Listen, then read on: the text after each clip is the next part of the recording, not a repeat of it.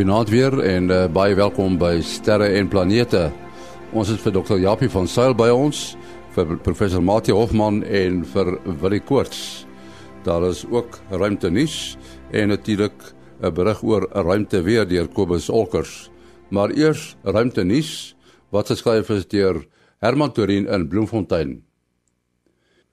Die rede oor hoekom die aarde se auroras, bekend as aurora borealis in die noorde en aurora australis in die suide, nie spieelbeelde van mekaar is nie, is ontdek. Die navorsers van die Universiteit Bergen in Noorwe het vasgestel die oorsaak hiervoor is die teenoorgestelde as wat vermoed is. Die verskynsel hou verband daarmee dat die elektromagnetiese velde van die aarde en die son nie altyd presies by mekaar aansluit nie. Titan, die enigste maan in ons sonnestelsel met 'n beduidende atmosfeer, kan dalk sy eie atmosfeer aanval of selfs vervaardig deur organiese materiaal onder sy oppervlak te kook. Titan se atmosfeer is selfs digter as die van die aarde. Navorsing het getoon dat die samestelling van Titan, dit is nou een van Saturnus se maane, sy atmosfeer nie genoegsaam ooreenstem met die materiale wat op komete aangetref word nie. Data wat van die landing op die komeet 67P Churyumov-Gerasimenko verkry is, is gebruik om die samestellings te vergelyk. 'n Artikel oor die navorsing is in die vaktydskrif The Astrophysical Journal van 22 Januarie gepubliseer. Tot sover ruimte nuus. Hier is Kobus Olkers dan nou met ruimte weer. Goeienaand en goeienaand luisteraars. Ja, hier sit ons nou weer in 'n amper 'n nuwe maand. Uh Februarie is hier en ons het 'n redelike groot korona gehad wat aan die uh aardekant van die son sit. Hy het reeds teen uh Vrydagoggend begin geo-effektief raak en ons het reeds 'n paar mooi auroras van hom gesien en ons uh langafstand kortgolf gebruikers weet ook al deeglik van hom. Uh dit is 'n bietjie raserig. Uh al die al die uh die sonwind wat hy nou inbring gee vir ons 'n bietjie agtergrond geraas op die op die highband. Maar ek is seker hulle sal dit wel oorleef. Ehm um, ons het geen ander probleme wat van hierdie ja, corona gaan verwag kan word nie, maar hy gaan nog vir ons bly pla tot goed aan die einde van die week se kant toe. Dan wat ons sonvlekke aanbetref, het ons jou winterwaard ons verlede week een gehad. Hy het nou niks verder ontwikkel nie en hy sit op die oomblik uh, kan 'n mens nog sy die die bo sien van die plasma. Hy's reeds oor die agterkant van die son weg, maar 'n mens kan dit nog baie mooi sien as jy op die ekstra uh foto's van die son gaan kyk. Uh daar's nog 'n klein uh geo-effektiewe areaetjie op die oomblik. Uh hy het 'n negatiewe kant wat voorloop met uh die noordelike kant wat agter is en ons weet dis hy's nou van die nuwe siklus dus ehm um, hy is egter glad nie uh, onstabiel of enig so iets nie. Baie mooi stabiele, pragtige mooi dipool en hy sal ook so teen uh Woensdag se koers oor die agterkant van die son verdwyn. Dan het ons nog eenetjie wat op pad is. Ons kan dit met die stereo satelliet te sien. Hy sal seker uh oor die rand van die son kom hier so baie laat in hierdie week, maar hy gaan nie geo-effektief wees voor oor omtrent 2 weke nie. Geen probleme met hom dan nie. En uh dan het ons net ons gewone kroon korona gate. Uh en die enigste ding wat hulle vir ons doen op die oomblik is ons het die die grens tussen die kroon korona gat en die groot een wat nou na die aarde se kant toe wys, gee vir ons 'n redelike twee redelike lang en onstabiele filamente. Hulle is om die waarheid te sê so onstabiel dat maak nie saak wat hulle doen nie. Hulle hulle sal uitmekaar uitval. Uh ons het nie 'n mooi dis nie 'n mooi stabiele, mooi sterk een wat 'n mens sien wat oor duisende myle gaan nie. Ehm um, hulle is nou maar net uh, baie los weg daar op die son en ehm uh, hulle gaan hulle gaan nie vir ons enigsins ons ruimte weer hier in die, by die aarde se omgewing uh beïnvloed nie. Nou ja, dit is ons storie van die week. Goeienaand almal. Baie dankie Kobus Olkers daar in Florida, Amerika. Soos ek gesê het, het ons uh, vir Dr. Japie van Sail van uh, die Jet Propulsion Laboratory vir uh, Mati Hofman van die digitale planetarium die Bodensterrewag en die Universiteit van die Vrystaat en natuurlik vir die koorts van die Suid-Afrikaanse Astronomiese Observatorium, so lekker lang naam. Jappie, uh, ons moet 'n bietjie gesels oor um, opportunity wat nou 'n hele 15 jaar daar op Mars rond is. Maar uh, dit lyk my nie hulle het al enige tekens van lewe gekry na die stofstorm lees ek reg. Uh dis korrek uh Henny ons het al um jy weet ons gereeld probeer boodskappe stuur na opportunity toe en dan geluister vir enige reaksie van van Mars af maar sover het ons nou nog niks van dit gehoor nie. Ons neem aan op die op die stadium moet ons begin aanneem dat iets dalk verkeerd gegaan het uh gedurende die stofstorm batterye miskien gevries of iets van die jaar. Um die die frustrerende storie is natuurlik dat ons geen inligting het nie want ou kan nou nie uh, enige data aflei van die rekenaars op die op die um, op opportunity om te kan sien wat dit nou wel gebeur nie. Maar dit is altyd verwag dat as hy te lank daar alleen sou staan gedurende die nag as jy nie genoeg krag het nie sal die batterye vries en as die batterye eers gevries het dan kan ons hulle nie meer gebruik nie. So dit is dit is heel waarskynlik maar wat het daar gebeur. Maar ons sal so nou en dan nog steeds probeer luister en sien of daar daar welke wel 'n sein terugkom. Maar op hierdie stadium begin ons maar aanvaar dat dit, dit miskien maar dood dood is op Mars daar. Wat is nou weer die die die tipiese temperature op op Mars oppervlak? Gedurende stofstorms is hy nie so verskriklik laag nie. Dis waaroor ons gehoop het ons sal dalk deur um deur die ding kan kom want as die stof daar hang dan uh, is uh, weerkaats hulle bietjie die infrarooi uh, energie wat in die nag uitgestra uitgestraal word maar uh, dit kan so laag as as minus 150 grade Celsius raak hmm. uh, meeste van die tyd um, uh, byvoorbeeld as soos ons nou 20 Mars 2020 soos ons nou beplan vir die helikopter om te kan vlieg selfs gedurende die dag kan dit so minus 50 grade Celsius wees so dit is ja. dit is 'n vrek koue plek Ja, net so uh, vir historiese perspektief as ons nou dink en eh, nee, ons het op 'n stadium nog so in een program oor beide spirit en opportunity gesels. En toe het ons gesels oor uh, spirit, ek dink hy het vasgeval of so. En nou lees ek toe ek nou op, oor opportunity se 15 jaar gaan lees is dat spirit se sending het reeds in 2011 tot einde gekom. So dis nou 7, 8 jaar gelede. Opportunity dis baie naby aan twee keer so lank as uh, Spirit uh, operasioneel gebly. Maar mens kan nie dink soveel tyd het ook al weer verbygegaan nie. Uh dit is dit is ongelooflik. Uh, jy weet uh mense moet in in gedagte hou dat hierdie twee rovertjies was ontwerp om vir 90 dae op Mars rond te ry. Ons het gedink uh, op die uiterste sal ons so ongeveer 'n kilometer kan ry met hierdie goedjies voordat hulle die gees sal gee en uh, opportunity het meer as 45 km gery so dit uh, in sy lewenstyd so dit is uh, dit is ongelooflik wat hulle wel uh, bereik het in vergelyking met wat waarvoor ons hulle ontwerp het maar dit is natuurlik jy weet dit is 'n mens raak geheg aan die goeder hulle raak later vir jou amper soos uh, soos 'n hond in die huis amper en so dit is altyd 'n storie as as een van hierdie moet op werk. Almal wat daarop gewerk het, het baie jare met die goedjies saamgeleef. So dit is 'n baie emosionele storie vir ons om totsiens te sê vir van hierdie goed.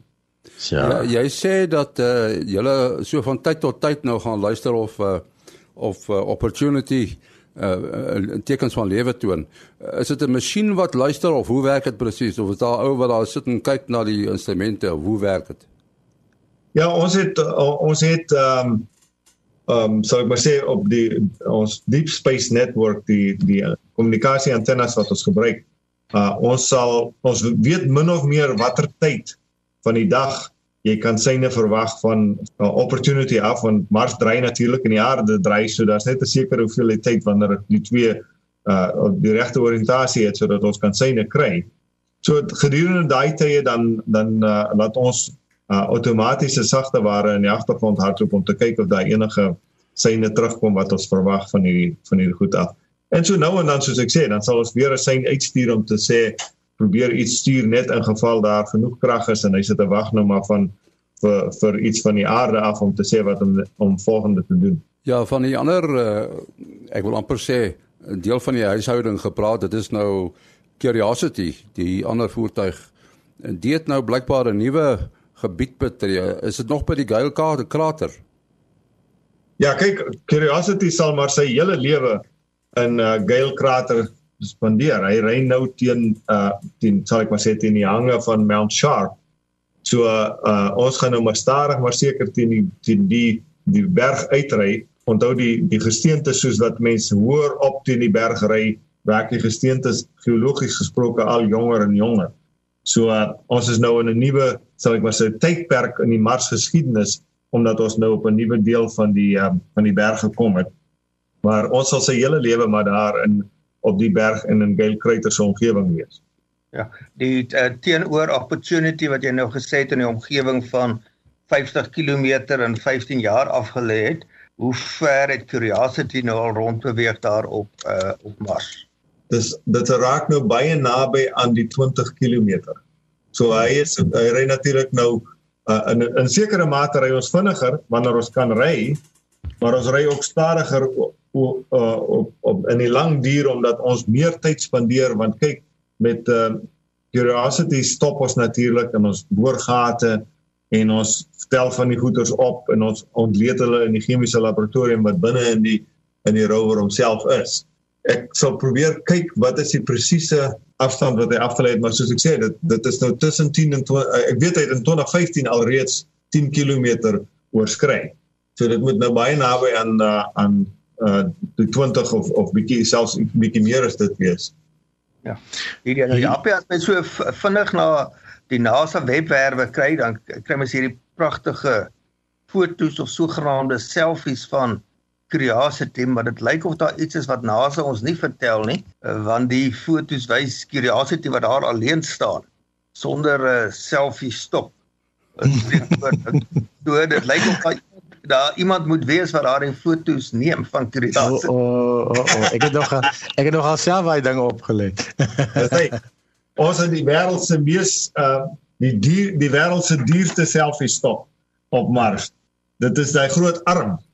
Ons gebruik die kamera aan die einde van die robotiese arm om daai selfies te neem. Dis hoekom die die rover se perspektief lyk so heeltemal jy weet snaaks as jy mense daarna kyk. Dis natuurlik maar presies soos 'n selfie is.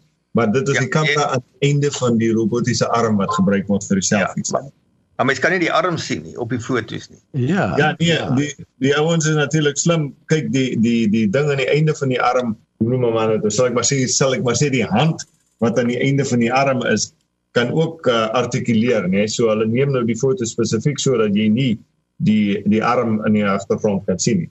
Jo, ja. Ek sal vir hulle vra om tog my een te neem waar die arm is wat mense kan sien dan. anders dan anders dan hulle te veel moeilikheid kry. Sê sê vir my die die Mount Sharp, uh, dit is nou 'n deel van Gale Crater op 'n manier, né? Nee, is dit 'n puntjie wat uitstaan of die middelgedeelte of wat? Ja, die die die Mount Sharp is soort van ek sou sê is amper is 'n bietjie uh, na die een kant toe, maar hy's amper in die middel van die krater. Dis dis okay. redelik algemeen dat kraters het so ehm um, sal ek maar sê 'n hoë punt in die middel. Dis reg, ah, dis reg. En uh, dit is nou hierdie hoë berg is 'n is 'n redelike hoë berg is uh, omtrent 5000 meter hoog. So dit's 'n dit's 'n hoë 'n berg wat daar is ehm um, uh waar waar teen ons nou stadig uitry. Ons sal natuurlik nooit tot bo bo uitkom nie. Ek dink nie ons sal genoeg krag en en geld hê op jou en tot, tot bo te kom nie. wat wat is aan die gang met Insight? Uh Insight het nou net gister, kyk ons het in Desember het ons mos die seismometer op die grond gesit. Ja. Uh nou die die interessante ding is die seismometer is natuurlik met 'n groot plat kabel wat ons noem die tether aan die aan die lander vas. En net die vibrasies wat die kyk die lander is mos nou 'n redelike groot ding waar op die oppervlakte staan en die wind waai nou en die sonpanele kan beweeg in die wind en so voort en die die kabel wat nou na van die lander af na die seismometer gaan was op so 'n manier aan vasgesit dat die vibrasies um, van die lander af kan tot by die ehm um, sal ek maar sê in die seismometer se se omhulsel ingaan. So dit veroorsaak nou wat ons noem agtergrondgeraas. Maar ons het geweet dit dit is die geval. So ons het so 'n uh, spesiale meganisme ingebou waarby ons kan dan die kabel sal ek maar sê so in 'n snaakse manier so 'n S-vormige vou bou sodat as jy dan die um, die seismometer op die grond het dan gaan ons nou die S laat stadig maar seker bietjie oopmaak sodat vibrasies wat dan van die uh, lander afkom kan dan in hierdie S geabsorbeer word en dan nie uh, oorgedra word aan die seismometer. So om dit nou te gedoen het, moes ons nou uh, baie versigtig met die uh, arm, die robotiese arm, die kabel so bietjie wegtrek, stadig maar seker 'n bietjie wegtrek van die seismometer af sodat hy S nou net die regte hoeveelheid oopbrening het en so aan.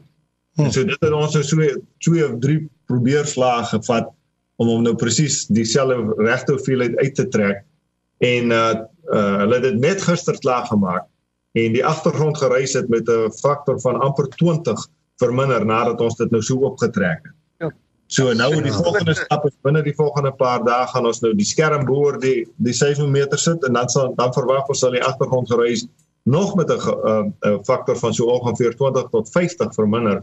Ja. As gevolg van die feit dat ons dan nog glad nie eens meer wind kry wat teen die ding vaswaai en so voort nie.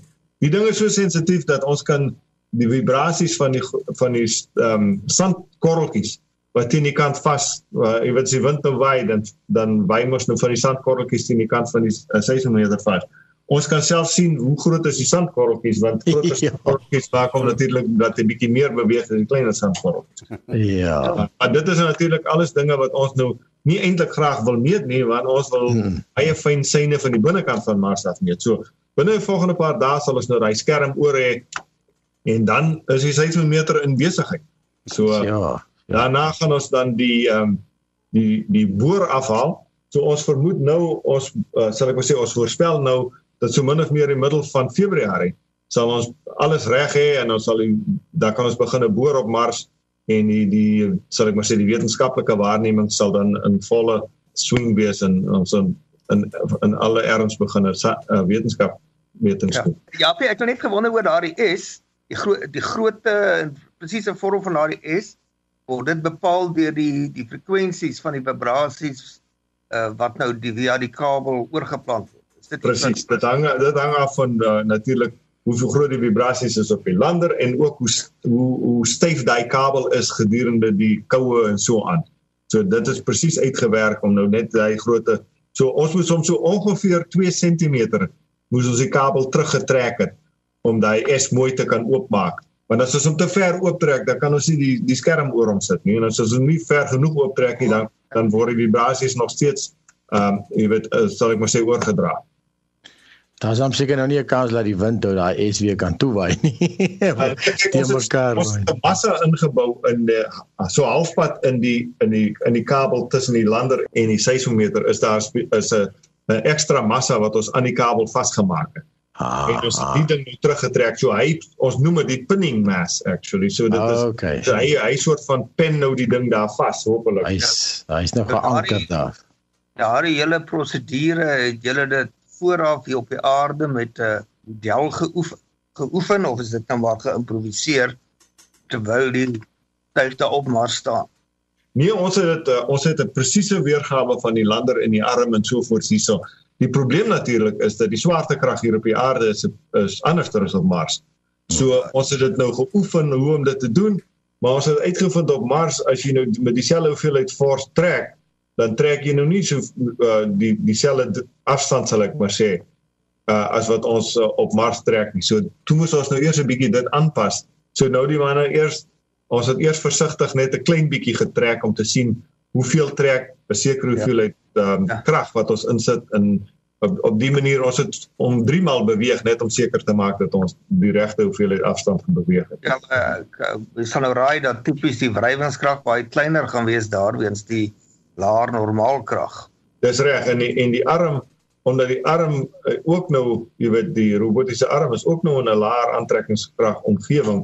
Dan sê ja, hoe styf hy is en so aan is 'n klein bietjie anders as hier op die aarde so ongeveer 'n derde van die swart uh, swaartekrag as wat ons hier op die aarde het. So al daai goed moes ons nou in ag neem. So nou doen ons maar eers 'n paar eksperimente om die ding te kalibreer om te sê okay, as ek soveel insit op die aarde beweeg ons soveel en op Mars beweeg ons soveel so dan pas jy nou maar die berekenings aan en uh maar soos ek sê na 3 na 3 sulke stadige bewegings het ons op die regte afstand weggekry. So jy het ook iemand daar wat gesê het I love it when a plane comes together want wragtig dit is nou nogal oulik daai. Dis reg ja. Ja, ons uh, bly op die rooi planeet, dit is nou Mars die landingsplek van die uh, nuwe lander of die nuwe uh, Marstuig wat uh, is dit in 2020 soontoe gaan. Ja. Die is nou blykbaar al bepaal die Jezero krater. Ek het gewonder wie gee die kraters die name? Jong, dis 'n interessante lang proses. Uh mense um daar's 'n internasionale, sal ek maar sê, organisasie wat planete en en voorwerpe benoem. So jy kan aan hulle uh, voorstel maak dat uh, iets in 'n Mars genoem word of so aan. Maar wanneer jy op Mars homself is, dan uh, dan gaan dit nou maar mense ehm um, die ouens wat die werk daar doen ehm um, benoem die goeters en uh, dit is maar meestal hier in die projek uh, in NASA se projekte wat die wat die mense die krater so name gee en so en dit hang af wie dit ontdek en so voort. Nou hierdie Jezero krater uh hy's nou heel anders as Gale krater. Uh Jezero krater is 'n interessante plek. Uh kyk die 2020 sending uh hulle hoofdoel Eh, kyk uh, is om te gaan kyk of hulle enige tekens van vorige lewe op Mars kan opspoor. So nou moet jy soek vir plekke wat ehm um, wat sal ek maar sê die toestande reg was dat lewe daar kon ontstaan. So uh, dit is een van die groot redes waaroor hulle toe hierdie plek gekies het. Uh want dit is 'n uh, is ehm um, soort van 'n 'n 'n wat noem man dit 'n uh, ja, so 'n rivierloop amper. Dis reg. Uh, dis wat ek soek, die woord wat ek soek, rivierloop. Dis reg. So dit's 'n uh, in 'n in die delta van 'n rivierloop waar hierdie krater is. So as jy nou dink daar's plekke waar water vir 'n lang tyd sou gestaan het en so voort en dit is waarom hulle gedink het dit is dalk een van die plekke om te gaan kyk. As daar lewe sou ontwikkel het sou dit in hierdie soort van omgewings ge gebeur het. Ja. Die uh ja, as mens nou so Google vir fotos van die, die Jezero krater uh, dan lyk dit of dit as dan nou ooit mense op Mars kan bly dat dit 'n uh, toeriste aantreklikheid sal word. Dit is fascinerend. uh die die omgewing, die topografie, die die feit dat dit so 'n interessante omgewing lyk, is seker omdat daar baie geologiese prosesse en waterprosesse gewerk het en uh sou dit kon bydra ja, dit sal waarskynlik dan bygedra het tot die feit dat dit dan ook 'n goeie landings uh plek is. Maar nou sien ek die feit dat dit 'n goeie landingsplek is is onder andere omdat daar in die die omgewing waar die lande nou moet land heelwat materiaal van buite af sou kon inkom en dat daar heelwat groot klippe uh en rotsblokke rond lê.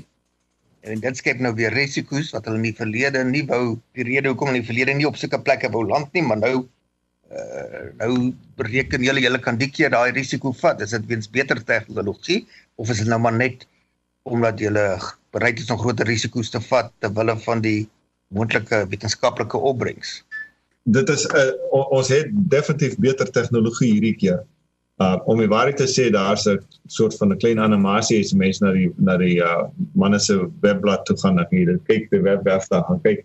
Uh ons gebruik wat ons noem terrain relative navigation. So wat ons gaan hierdie keer doen is kyk uh, uh 2020 gaan baie land baie dieselfde land as wat Curiosity geland het. Mense onthou seker ons het afgekom met die valskerm en dan het die ding op die ou end uitgevlieg met sy eie met sy eie uh sal ek maar sê uh vuurpyl rugsakkie en dan uh gaan land. Uh bo kan die grond gaan hang en toe geland. Wat ons hierdie keer gaan doen is ons gaan satellietbeelde gebruik van die area. Ons het 'n spesifieke plek wat ons wil gaan land soos wat ons afkom met die valskerm gaan ons fotos neem en daai fotos dan uh in tyd vergelyk met um die die satellietfotos en daar volgens bepaal of ons nou bietjie links of regs moet vlieg en so aan en um en dan gaan ons uh dan sal ek maar sê divert soos hulle in Engels sê met 'n vliegtuig sal ons dan kant toe vlieg tot ons op die regte plek is voordat ons dan gaan hang en en die en die rover laat sak. So ons ons glo definitief hierdie keer kan ons met dieselfde of minder risiko selfs as voorheen in in areas land wat 'n wat sal ek sou sê in die, in die verlede ons so bietjie skrikkerig voor sou gewees het. Ja, want dit klink my nie die krater is vreeslik groot nie, so ek het nog self gewonder hoe gaan julle hom kry, maar dit is nou baie interessant. Ja, presies. Wanneer vertrek die nuwe tuig want hy het nou nog nie 'n naam nie, nê? Nee. Ja nee, kyk, dis mos 'n interessante proses wat NASA volg. Hy hy lanseer vroeg in 2020. Dis hoekom hulle dit nou nog uh, Mars 2020 noem.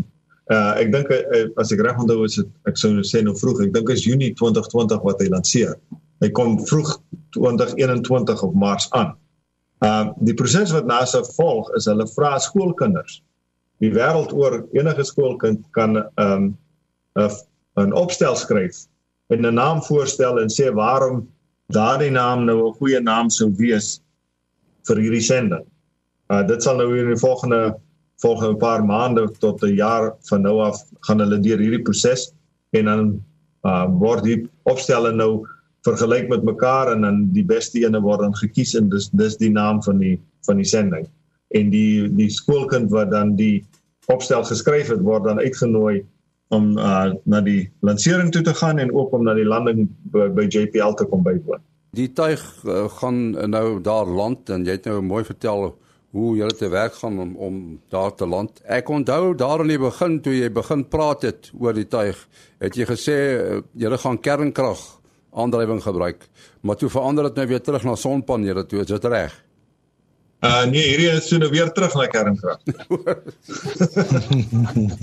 so uh die die rede was um vir die vir die oorspronklike idee om miskien sonkrag te gaan is uh is NASA uh Amerika oor oor die algemeen het 'n uh, um 'n bietjie van 'n tekort aan plutonium wat ons gebruik vir dit. Ons het dit nou 'n uh, klompie kilogram by die Russe gekoop so oor die jare en ons raak nou bietjie laag aan die hoeveelheid plutonium wat ons nog oor het. Maar daar was toe nog gelukkig genoeg uh, om uh, vir 2020 nog so 'n uh, kernkrag engine te bou. So uh, ons gaan uh, ons gaan hom hy's dieselfde nou as Curiosity presies dieselfde. Dis dis seker net 'n paar gram wat jy nodig het plutonium net. Dis mos 'n baie potent ding daardie. Uh ja, maar kyk die, die ding vat redelik baie krag. Ek kan nie presies onthou nie, maar dit is heelwat minder as 'n kilogram wat ons nodig het in elk geval. Hmm. Soos ek sê, dit daar is 'n redelike tekort aan die aan die plutonium so Amerika begin nou stadig maar seker weer ehm um, die sou ek maar sê die die lyn aan die aan die gang kry om om hulle eie plutonium te te te maak hierso. Ehm um, vir hierdie soort van toepassings. Maar dit is 'n lang proses en 'n baie duur proses. Ja. Nou die uh, uh gebruik hulle net die hitte weens die radioaktiewe verval in die plutonium of is dit 'n uh, werklike uh, klein kernreaktortjie? Nee, dit is dit is 'n uh, uh, basies ons gebruik die hitte. Ons gebruik die hitte vir twee goeders. Een uh uh die eerste is natuurlik om elektrisiteit op te wek. Maar die tweede een is ook ons gebruik ook van die van die ekstra hitte om die om die rover mee warm te hou. So ons hoef nie verwarmers met die elektrisiteit aan te dryf nie.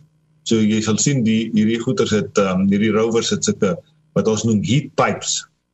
Dit is maar basies pipe wat uh glycol in hulle het wat uh wat die hitte versprei deur die rower om die, om die elektronika warm te hou. Die proses om van die warmte elektrisiteit te maak. Dit hoe effektief is dit? Watter persentasie van die warmte energie is op die ouend as elektriese energie beskikbaar? Dit is mos nou maar die termoelektriese proses. Uh ongelukkig weet ek nie wat die antwoord is nie. Uh, uh my my uh as ek terugdink dit is dis nie vreeslik effektief nie. Dis in die omgewing van uh ek dink 30 of 35%, maar ek is nie seker nie. Ons moet afsluit ongelukkig. Uh Japie jou besonderhede asseblief. My e-posadres japiejpl@gmail.com. En dan wat? Ja, mens kan bel SMS of WhatsApp 0724579208.